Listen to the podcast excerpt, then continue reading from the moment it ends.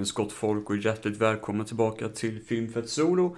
Med mig Robin Andersson. Jag sitter här just nu på midsommarafton och sitter och bara tar det lugnt och samtalar med er, precis som det ska vara. Det känns konstigt att spela in på midsommarafton, men Alltså ni som har lyssnat på den här podden vet ju att jag har varit allt annat än normal. Eh, och i ärlighetens namn så har jag ingenting emot det. Det är så jävla varmt ute. Det är typ 30 grader, typ värmsta fucking midsommar på typ 50 år. Vilket är ganska oväntat, för det hade jag verkligen inte förväntat mig att det skulle vara. I alla fall, det är också semester för min del. Jag har bara två veckors semester nu i sommar, men jag ser fram emot det. Eh, första börjar nu på måndag eller egentligen redan nu har jag semester teoretiskt sett. Och det är så jävla gött. Fan vad skönt det kommer bli, eh, faktiskt. Eh, det är jättegött. Så jag är lite halvt dåsig i skallen. I alla fall, eh, jag är med i en filmgrupp som heter 100 filmer, där man rankar hur många filmer man ser på ett år. Typ som en film, eh, ja vad ska man säga, dagbok kan man väl säga. Ah, nu är det kattjäveln som börjar riva på en möbel här. Men får inte, nej, kanske... oh, ah, Jesus. Ja, ja, um, och uh, i alla fall så uh, var det väldigt svårt för mig att komma till 100 filmer på ett halvår. Man ska se 100 filmer från nyårsafton, tror jag det är, första december i alla fall. Eller första januari menar fram till och med midsommar. Och uh, de sista filmerna var fan inte lätt, för jag hittade faktiskt en film med Eh, Jeff Fahey. Och eh, den var ju jävligt taggad på. Eh, Body Parts, eller tror jag den heter. Eh, den var jag jävligt taggad på. Men nej, det sket ju sig. För den, eh, vi, den lilla suspekta sidan jag kollade på ville inte riktigt fungera. Så då fick jag ta något annat Jeff Fahey-film och det blev en sån här riktigt rövdålig film som blev nummer 99. Jag har bara sett så mycket skit det här halvåret. Fy fan, jag har sett mycket skit. Eh, så jag ville verkligen att film 100 skulle vara eh, top of the game, att det skulle vara bäst. Och eh, nummer 98 var ju faktiskt en film som var jävligt bra som heter Shane Dance. Och eh, ja, vad fan, jag kan lika gärna recensera den också då, lika gärna. Det är oväntat och eh, oförklarligt, men det är lika bra att göra det.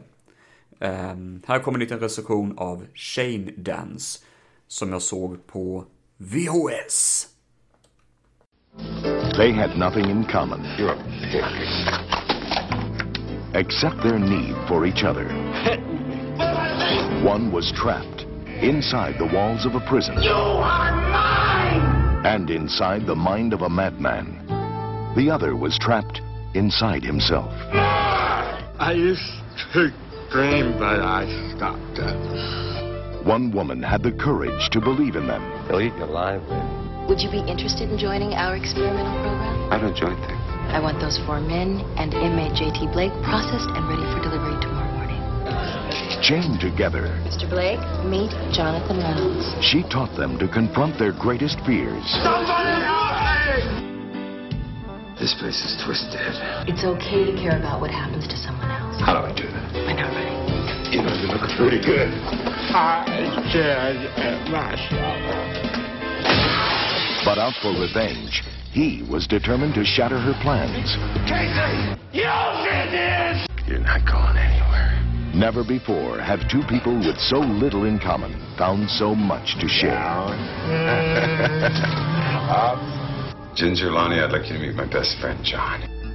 Academy Award nominee Brad Dourif from One Flew Over the Cuckoo's Nest and Mississippi Burning. Michael Ironside, star of such box office hits as Top Gun and Total Recall. And Ray Dawn Chong, recognized for her performances in Quest for Fire and Commando. In an unforgettable film that tests the boundaries of friendship Would you like to dance with me? and the human spirit.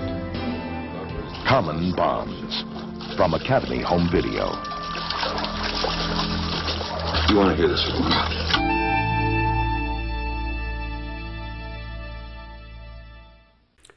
Chain Shane Dance är en eh, kanadensisk film från typ 93 eller något sånt.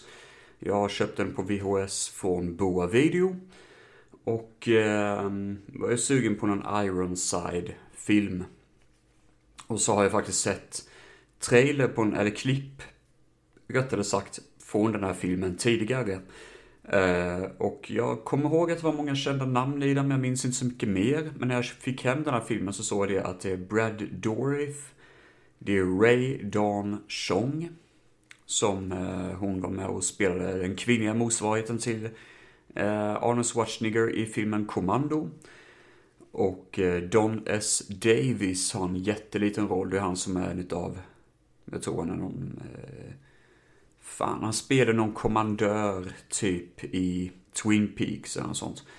Eh, Bruce Glover har vi också som en ganska känd ikonisk eh, karaktäraktör. Jag minns honom som skurken i, jag tror det var första gången jag såg honom, i James Bond-filmen eh, eh Diamantfeber som är en av de sämsta Bond-filmerna. Men skitsamma, han är ju en bra aktör så han vill man ju se mer utav ändå, i vilket fall som helst. Han är ju typ pappa till, eh, är det John Glover han heter? Den killen som är med i... Uh, han spelar väl uh, Lex Luthor tror jag i Smallville. Eller Luthor, Luthors pappa är det i Smallville. Jag vet inte fan, jag kan inte riktigt skådisars namn. Eller jo, uppenbarligen kan jag det. Men skitsamma. Um, I alla fall. Um, det här är en film av Alan A. Goldstein. Och han har tydligen gjort en massa B-filmer. Han är kanske mest känd för att han gjort Death Wish 5. Som många till och med helt och hållet glömt bort att den finns. Där typ Canon Films inte hade någon budget whatsoever. Jag har inte sett någon av Death Wish-filmerna, men det sätter ju lite grann ribban på att okej, okay, så här är regissören. Jag är glad över att jag egentligen inte hade sett något annat av honom eller Ehm, gått på hans liksom rykte innan jag såg den här filmen. I alla fall, eh, Michael Ironside spelar rollen som J.T. Blake som åker fast direkt för att han gjort ett bilrån, tror jag. Eller han har skjutit sönder en bil, en polisbil är det. Och eh, han blir vansinnig på poliser och arresteras. Det finns mer bakom det, men det är ganska vagt berättat och det har egentligen inte så mycket med storyn att göra. Han är en douchebag, typ. Han blir placerad i fängelse. Och det sjuka är det att filmens omslag visar hur han går bredvid den här brinnande polisbilen. Och man tänker först när man ser det här, oh vilken cool actionfilm. Men det är ju detta inte, det är ju något helt annat. Så det är otroligt dåligt marknadsfört. Kanske något av det sämsta omslaget sett i marknadsomföring. För det här är egentligen som den filmen eh, Over the Cuckoo's Nest, Gökboet, som den heter på svenska. Så det har absolut ingenting med introt att göra egentligen. Men JT Blake placeras i fängelse, han har varit där i fängelset förr. Och eh, där är han då tillsammans med bland annat då Bruce Glover. Som eh, är då ett riktigt jävla svin och en rad andra eh, kryptiska karaktärer. Men Bruce, Bruce Glover är den sämsta för han är en sån som typ um, infiltrerar sig mycket i uh, polismakten och vakterna runt omkring honom. Så Ironside um, och Bruce Glover och några andra karaktärer får möjligheten att, eller de, de har inte så mycket val egentligen, att de får möjligheten att komma till en um, institution för folk som är handikappade. Som har typ tung CP-skada. Vissa kan inte ens prata liksom. Och där springer han då på Brad Dorifs karaktär Johnny. Som är typ ett riktigt jävla as till en början. Alltså han är douchebag deluxe och bara sådär um, missutnyttjar JT Blake då, det vill säga Ironside. För att han typ ska vara hans skötare. Och liksom sådär att jag vet att du kan, du kan gå tillbaka till fängelset om du vill, ha ha ha, men det är typ jag som bestämmer, typ lite sådär, lite sån attityd har Brad Dourif. Och han gör ju så, så jävla bra jobb gör han. Det, det är fan läskigt alltså. Han är ju typ halvt lågintelligent, typ, eller vad man ska säga. Men utav ren desperation, typ. Och man fattar det att det är ju han, alltså i och med att han är isolerad på det här stället utanför samhällets normer så fattar man ju själv att man hade ju varit likadan. Han, kom, han fattar att han kommer aldrig vara en del av samhället utanför. Och JT Blake är ju inte heller en del av samhället utanför för han är ju egentligen fånge då. Och alla fångarna som typ är med på det här projektet, förutom det då JT Blake, eh, tycker om det här. Och Bruce Glover väldigt mycket ett asshole såklart, men JT Blake, ehm, eh, eller Ironside då, han eh, börjar mer och mer tycka att det här är ändå dugligt, liksom sådär. Han börjar se lite mer det mänskliga i det, han börjar stå lite mer för det humana med karaktärerna. Men upptäcker snart att Bruce Glovers eh, jävla eh, hemska, sliskiga typ ehm, gör hemska saker. Det är en gång när han går förbi rummet där hans Bruce Glover sitter typ, han ligger typ på sängen där den CP-skadade killen som han skulle ta hand om ska ligga. Och på golvet så ligger en CP-skadad och typ bara gnyr liksom. Och Bruce Glover bara hey shut up, typ liksom sådär. Och typ sparkar lite på, man, på honom.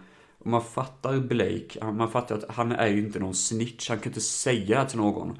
Men han, fan, han vet inte vad han ska göra typ. Det är också en scen som är så jävla obehaglig på, i fängelset i och med att jag vet om Ironsides backstory. Ehm, eller hans, eh, att han faktiskt har varit med om ett våld, eh, våldtagningsförsök när han var liten. Eller han blev faktiskt våldtagen av en nära släkting när han var liten. Och det är en scen här då han blir forcerad in i ett rum och tror att han kommer bli våldtagen. Och det gör så jävla ont att se när man fattar att han faktiskt var med om något sånt när han var liten. Vilket är tungt som fan är det. Um, vi har då eh, som sagt var lite andra skådisar med.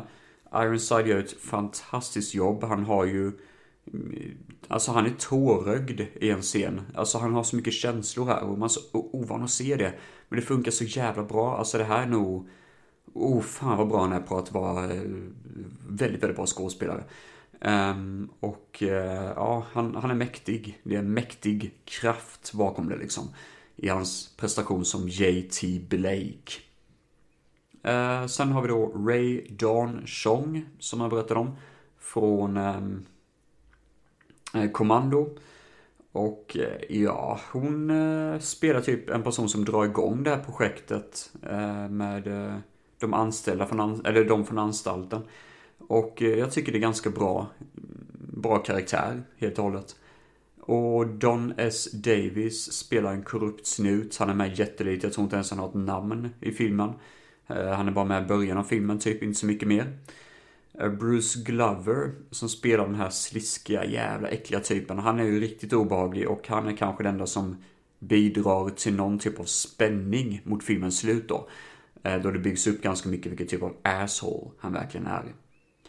Det är roligt också att Michael Ironside faktiskt var involverad i filmen mer än vad man tror, för han var väldigt intresserad av manuset. Han var med och gjorde lite ändringar i manuset och var också med lite grann som producent bakom filmen.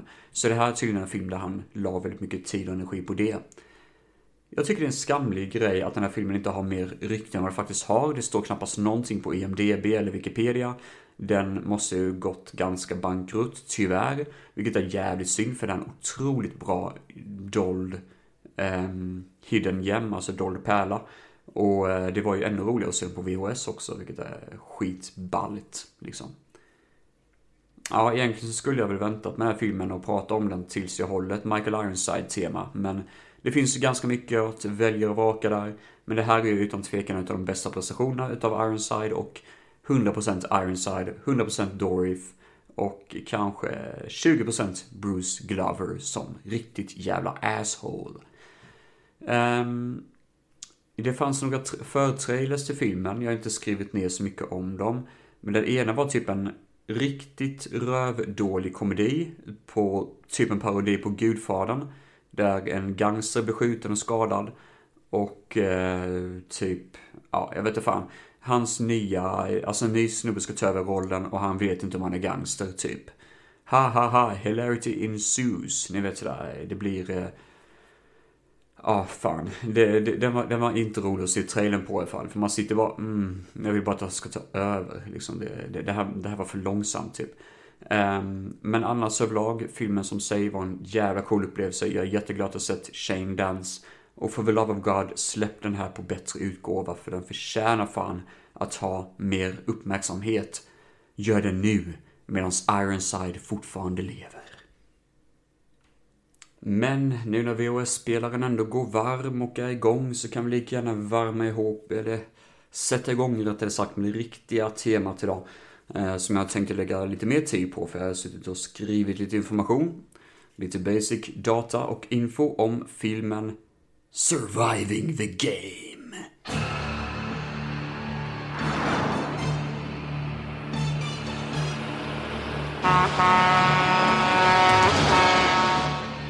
Would you want to kill yourself? Maybe I like the idea of choosing when I die instead of having somebody else choose for me. If someone offered you a good job, would you be interested? What kind of job are you talking about? We need someone to help us with our hunts out in the wilderness. Are you sure about this one? Oh, I'm sure. Has he got courage? Gentlemen, I would like you to meet our new hunting guide, Mason. Here's a toast to the hunters and a prayer for the hunted. the hunt begins now. Just let me get the door for you. We're not really gonna hunt him, are we? He's nothing. He's less than nothing. Come on, Mason! Don't take any part in this. I want you! Thank you. Thank you. If you make it to civilization, you live. If you don't, maybe God will have mercy. Oh, I think he's gone back to the cabin. None of them has ever done that before. Mr. Mason. What's that smell? Everybody out of the cabin! I like I mean rare. Try well done, bitch. Jack Mason knows he's going to die someday. Damn, I wish I'd never started smoking. But today, he's not in the mood. This is where it gets interesting. Never underestimate Come on, Mason! A man who has nothing to lose.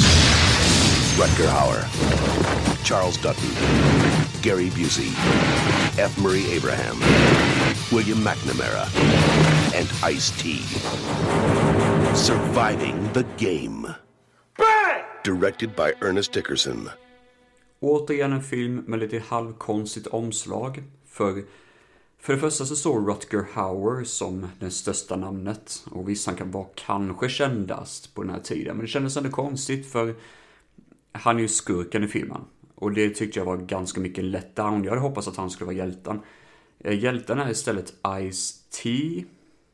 Och sen har vi lite andra roliga namn som också är med i filmen. Men jag kommer komma till det. När jag berättar lite mer om storyn bakom filmen.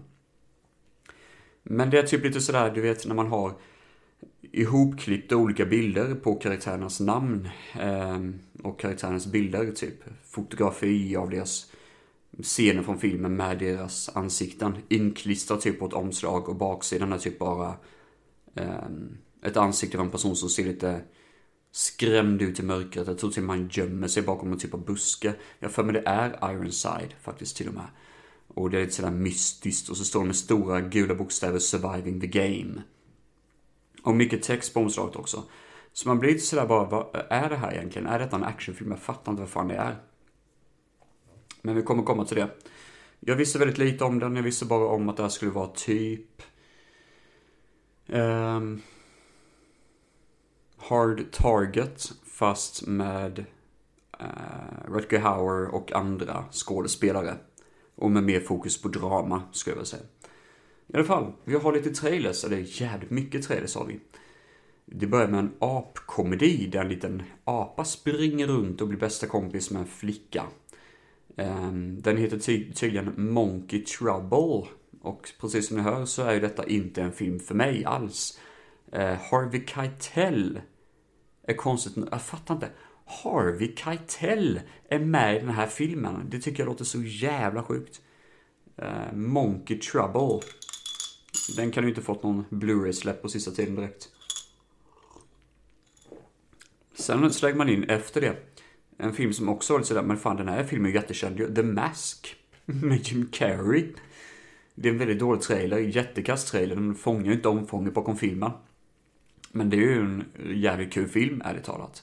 Och det var så konstigt att efter Monkey Trouble så kommer The Mask-trailer. Jätteweird. Arizona Dream är nästa som är typ någon sån här halvpretentiös pretentiös film med Johnny Depp. Jag vet inte fan, jag har aldrig hört talas om det men när jag såg trailern så tänkte jag nej det är ju ingenting jag kommer se heller. Um, jag vet att Johnny Depp är stor på kartan just nu, att många stöttar honom och så, självklart det ska man göra. Men samtidigt, han, alltså, han är bra skådis, men fan, han har inte varit med i mycket bra grejer på sista tiden alltså. Säger jag i och för sig som älskar Michael Ironside av outgrundlig anledning. Här har vi också någon fransk sliskig filmtrailer. Och jag tänkte direkt när jag såg den att det här är ingenting jag kommer se. Jag vet dock att jag har talat om titeln för. Jag vet att jag var sugen på att se den ett tag. Så jag antar att folk ändras. Men Blue heter filmen i alla fall. Och ja, jag vet inte vad mer jag ska säga om det. Jag tror det var ett svenskt royaldrama som kom sen, för titeln på filmen var jättekonstig. Den var liksom skriven i sån här ful, klyschig, jävla smetig penna typ. Så man såg inte vad fan det var för film. Jag tror den heter Sorn. Men jag vet inte riktigt. Men det här är typ någon sån här svenskt drama.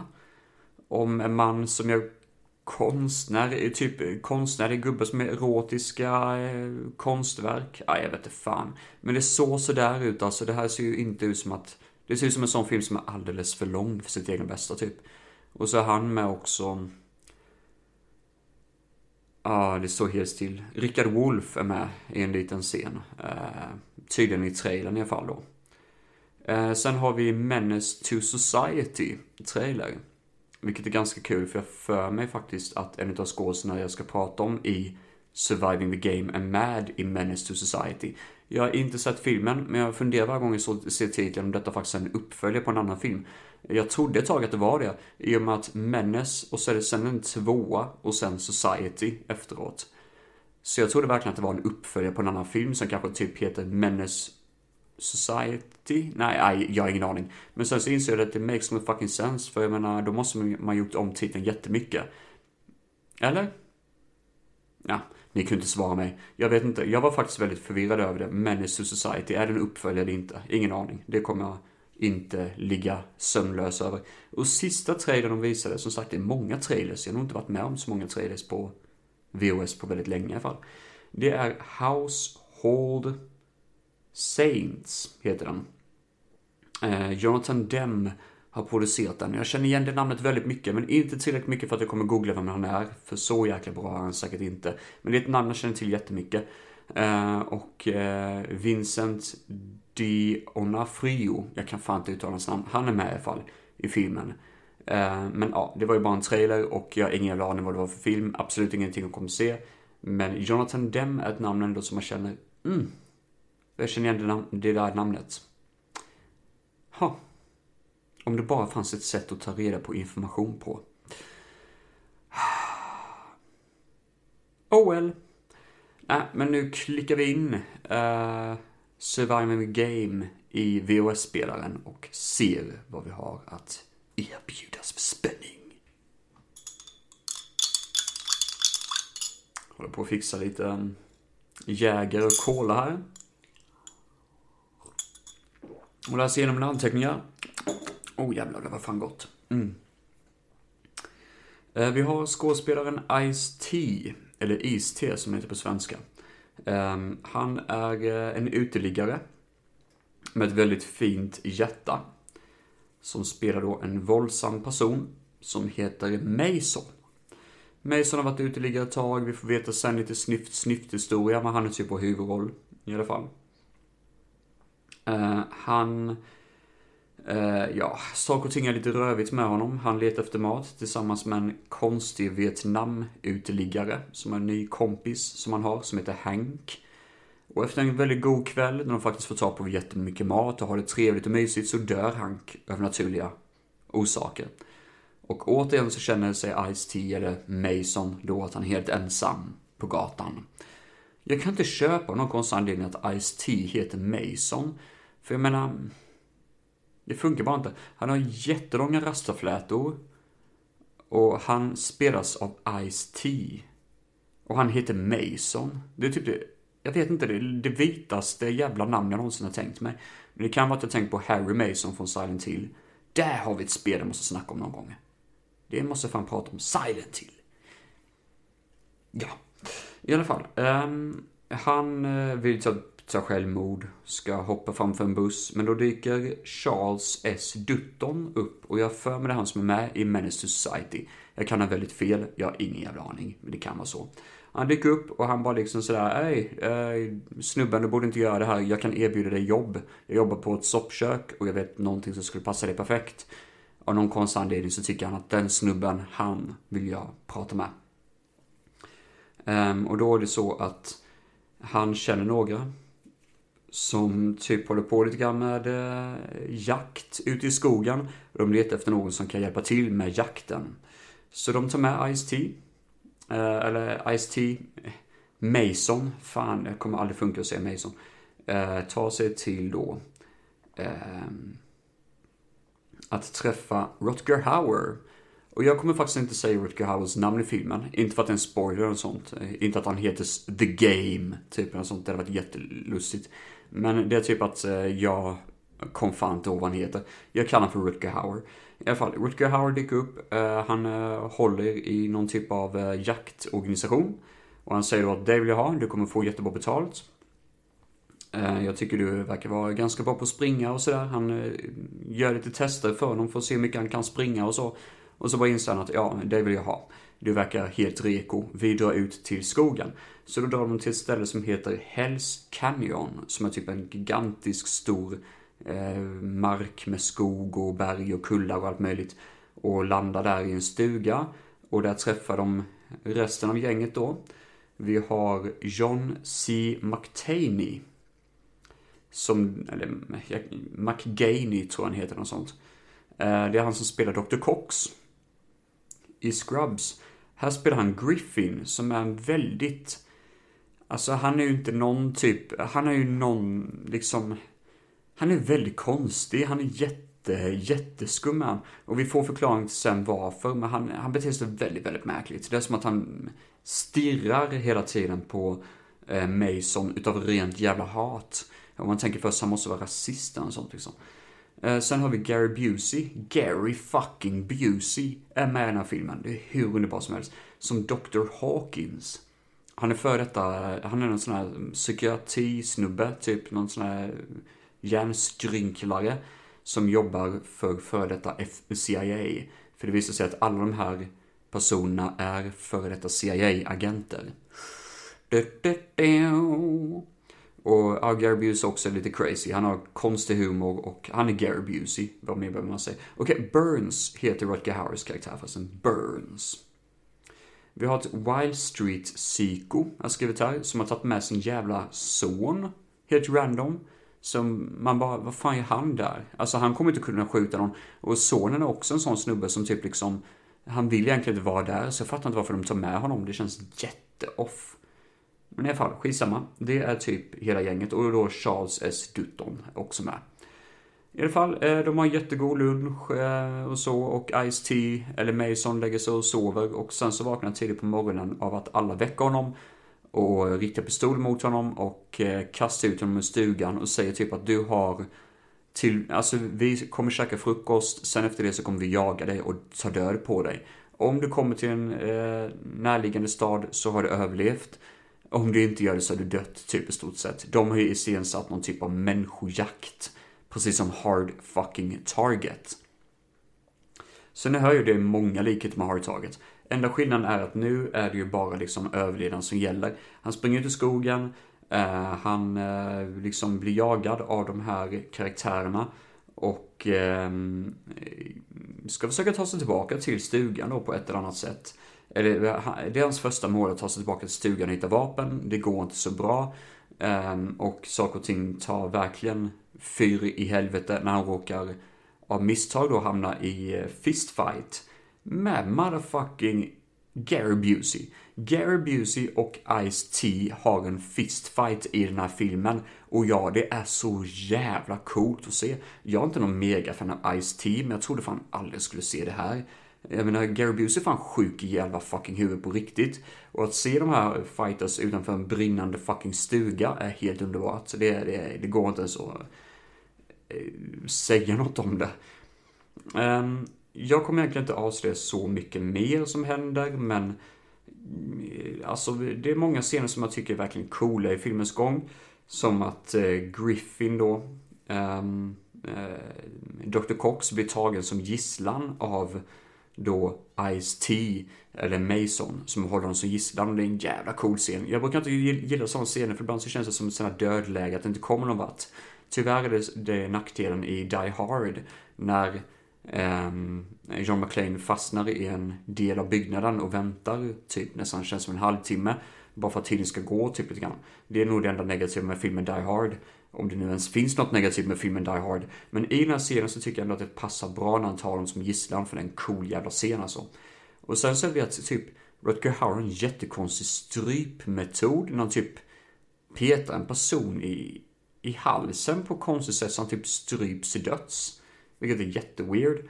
Och sen är också sån här jätteful scen när en karaktär gömmer sig i skuggan av natten typ. Och liksom springer mellan träd som en jävla ninja. Och plötsligt så bara han står mitt framför personen han ska döda typ. Och bara som att han har teleporterat sig dit. Och det passar fan inte i filmen. Särskilt inte för den karaktären. Det makes no sense. Men i alla fall, det är en kul rulle med mycket, mycket coola scener. Gary Busey har kanske en av sina bästa scener ever när han drar en historia om en hund som han sitter och pratar om och det är så jävla våldsam historia. Eh, och eh, ja, ah, shit den, det är fan, det är med gåshud alltså.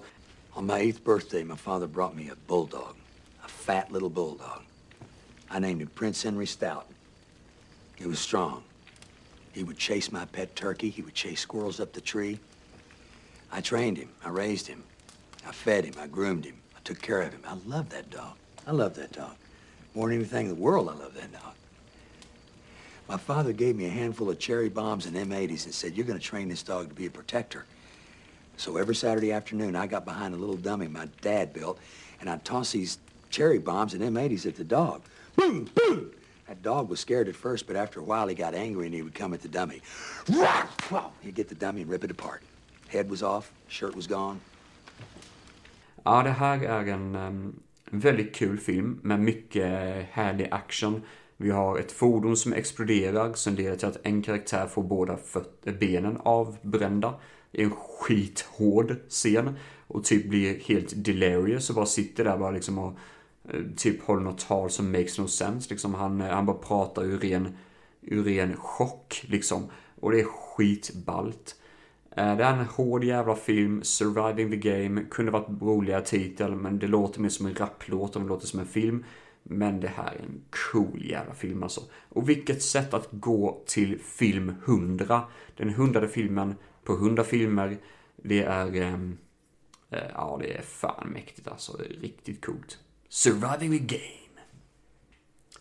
Men, som ni alla vet, så är det ju inte bara VHS-filmer vi ska prata om ikväll, utan jag ska också tillge er en fantastisk, fantastisk final på en fantastisk, fantastisk tv-serie.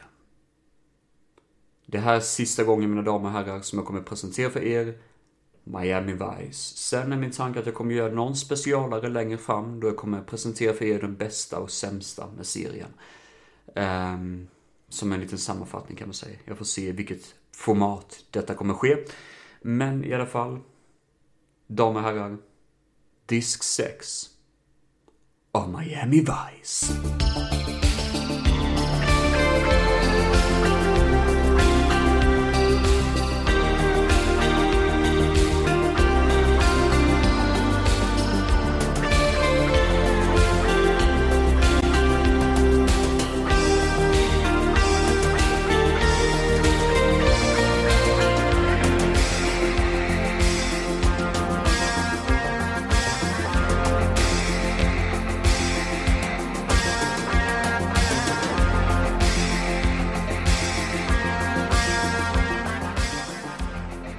Första avsnittet för kvällen.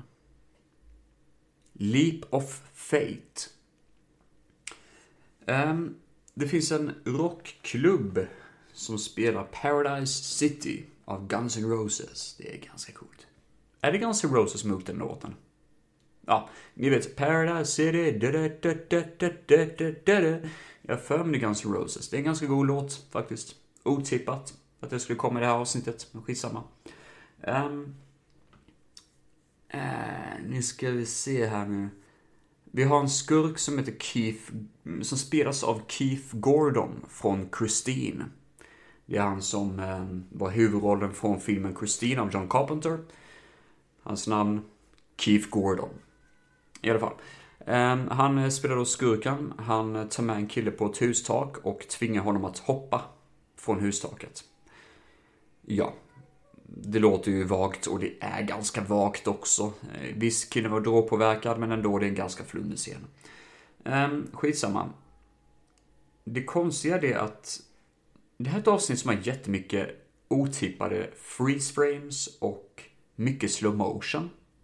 Som inte är logiskt placerat överhuvudtaget. Det är lite grann som att de bara vill göra en stämning, men det, det är lite skevt typ. Det är inte störande, men det är konstigt. Lite sådär, det passar inte riktigt Miami Vice.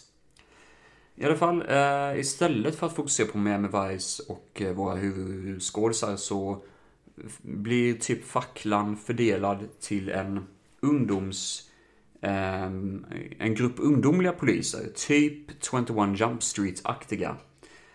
Och eh, det var tänkt sig faktiskt att det här skulle vara en spin-off, alltså första avsnittet som ger över facklan till nya skådespelare som skulle bli en ny idé bakom Miami Vice, typ som en spin-off till Miami Vice, fast med yngre skådespelare då.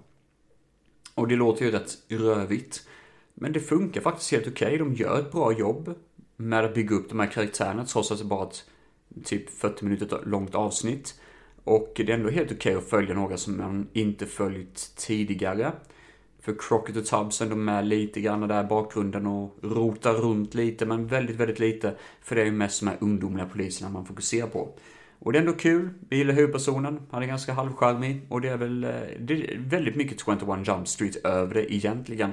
Jag vill minnas att 21 Jump Street hade mycket potential till att bli en väldigt bra serie. Men att det föll lite grann på dåliga campy jokes och sån skit. Och att det här kanske inte riktigt skulle falla på samma nivå. I alla fall, vi har också en kvinna som jag känner igen jättemycket. Som hjälper de här ungdomarna, har jag för mig. Och hennes namn minns jag inte, men hon är med i Just Shoot Me, eh, den tv-serien. Eh, det är hon som har en liten tandglugg ehm, mellan framtänderna. Hon är också med och spelar Nadine, minns jag, i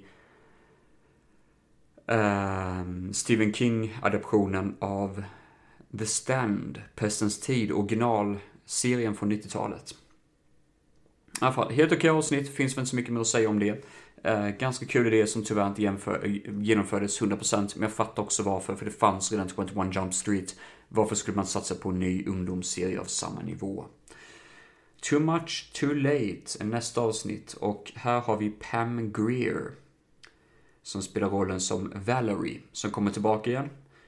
Och jag ska väl säga, jag hängde inte riktigt med. Jag var ganska seg när jag såg avsnittet, men det är typ att hennes syster har drogproblem och typ nästan ser ner mycket på sin dotter. Vilket gör att Valerie typ åker till Miami och försöker få henne på rätt fötter igen. Samtidigt som hon då eh, umgås rätt mycket med Tubbs. Um, det hemska är då att hennes syster säljer sin dotter till någon typ av drogbaron. Um, och det visar ju sig sen att hon faktiskt blir våldtagen av den här drogkungen, vilket är jättebrutalt. Jag tror det här är en av avsnitten som inte visades sen. Jag har för mig det var en av de lost episodes. För att man hade inte tid till att visa det här på TV. Men jag fattar också varför, för det är ett ganska mörkt tema egentligen. Eller jävligt mörkt är det. Um, Sen så har vi ett litet sidequest eller sidospår som handlar om att Switek typ har drog... Eller nej, han har inte drogproblem, han har spelmissbruk. Och det tas upp i en liten sidohistoria här. Men etableras inte så jättemycket. Men grejen är att i nästa avsnitt så berättar man mycket mer om det. Och det tycker jag är en bättre idé för nästa avsnitt är mycket längre och använder till och med klipp från Too Much Too Late för att den inte visades på TV. Och nästa avsnitt är då det absolut sista och här har jag mycket att skriva, äh, prata om. Avsnittet heter Free Fall och är finalen av Miami Vice, det absolut sista avsnittet av Miami Vice. Det är ett land som ligger i krig. Det här landet heter Costa Moroda. Och eh, det är lite kryptogrejer typ. Um, som händer där. Crockett och Tubbs är med i en vanlig biljakt, som vanligt i Miami. Om man tänker hur kommer det här kopplas till det? Jo, för det dyker upp mysko-män som kidnappar Crockett och Tubbs och för dem till en mystisk lokal. Där vi får veta att de tillhör en liten skara FBI-poliser. Som då vill att eh, drogbaronen Barbon ska föras till Miami från landet Costa Moroda. Och de vill ha hjälp utav Crockett och Tubbs. Varför undrar man? Jo, för att de har de meriterna till att kunna stoppa, eller till att kunna liksom övertala den här drogbaronen att fly. För Barbon vill fly till USA, men han har svårt att ta sig över gränsen. Och de behöver hjälp av Crockett Tubbs att göra det. Och Crockett Tubbs har i stort sett inget val bakom det. Ehm, så de bestämmer sig till slut då mer eller mindre att ja, men vi åker väl dit till Cosmoroda och försöker frita den här generalen. Ehm, även om de vet själva att det här är så jäkla stort. Det här är ju inte bra liksom. Ehm, som jag berättade så har man återanvänt eh, inspelat material av Switex drog eller missbruksproblem, spelmissbruk i Too Much Too Late. Och man fortsätter på det spåret i det här avsnittet på Free For All free fall, inte free for all. Free fall, fritt fall heter avsnittet då. Um,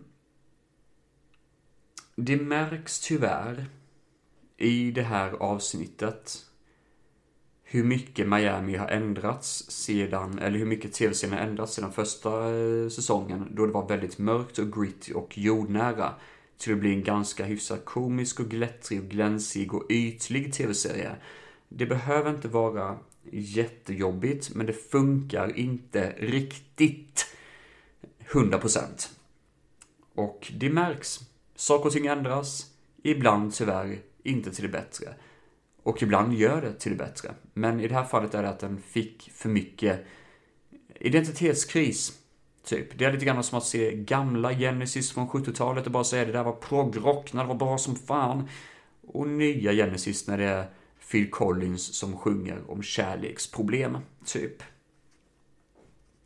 Eh, landet Costa Maroda är fullt utav ruttna ägg.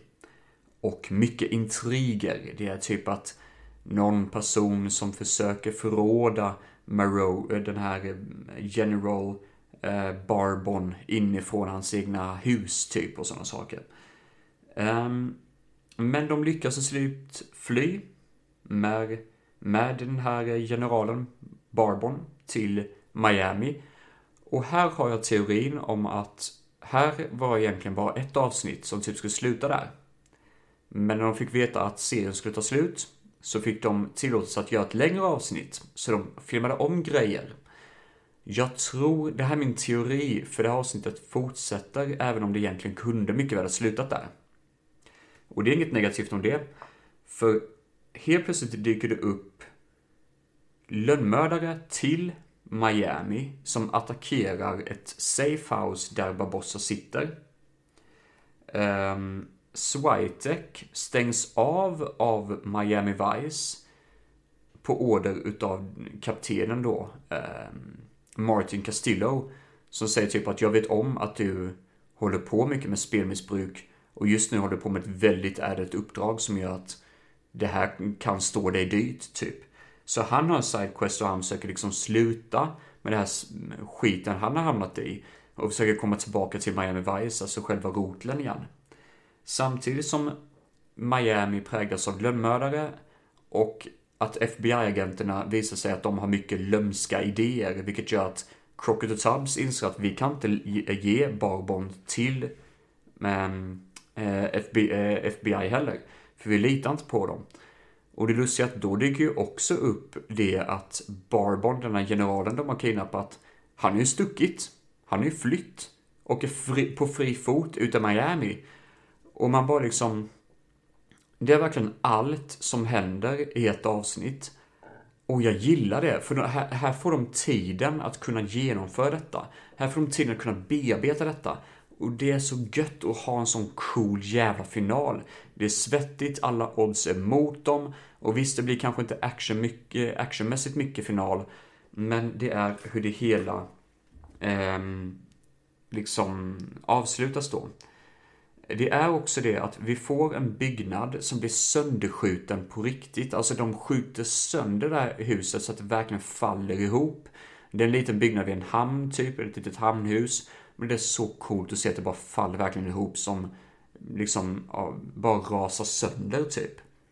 Det är jättemånga fiender i avsnittet som sagt var och vi har en scen då um, en skurk försöker fly med ett flygplan. Och uh, flyger över vatten. Och um, Crockett och Tubbs springer fram och försöker avfyra med olika vapen mot det här flygplanet. Precis som i uh, när Calderon uh, Eh, i säsong 1 flydde iväg med ett flygplan från Miami då. Och de missade att skjuta ner det. Nu får de faktiskt chansen och de skjuter faktiskt ner det. Och det är som cool callback bara. Everything ties together. De här gubbarna, både Crockett och Tubbs, de förtjänar ett happy ending typ. Det tråkiga är dock att det blir inte riktigt ett happy ending för Maja, alltså FBI dyker upp.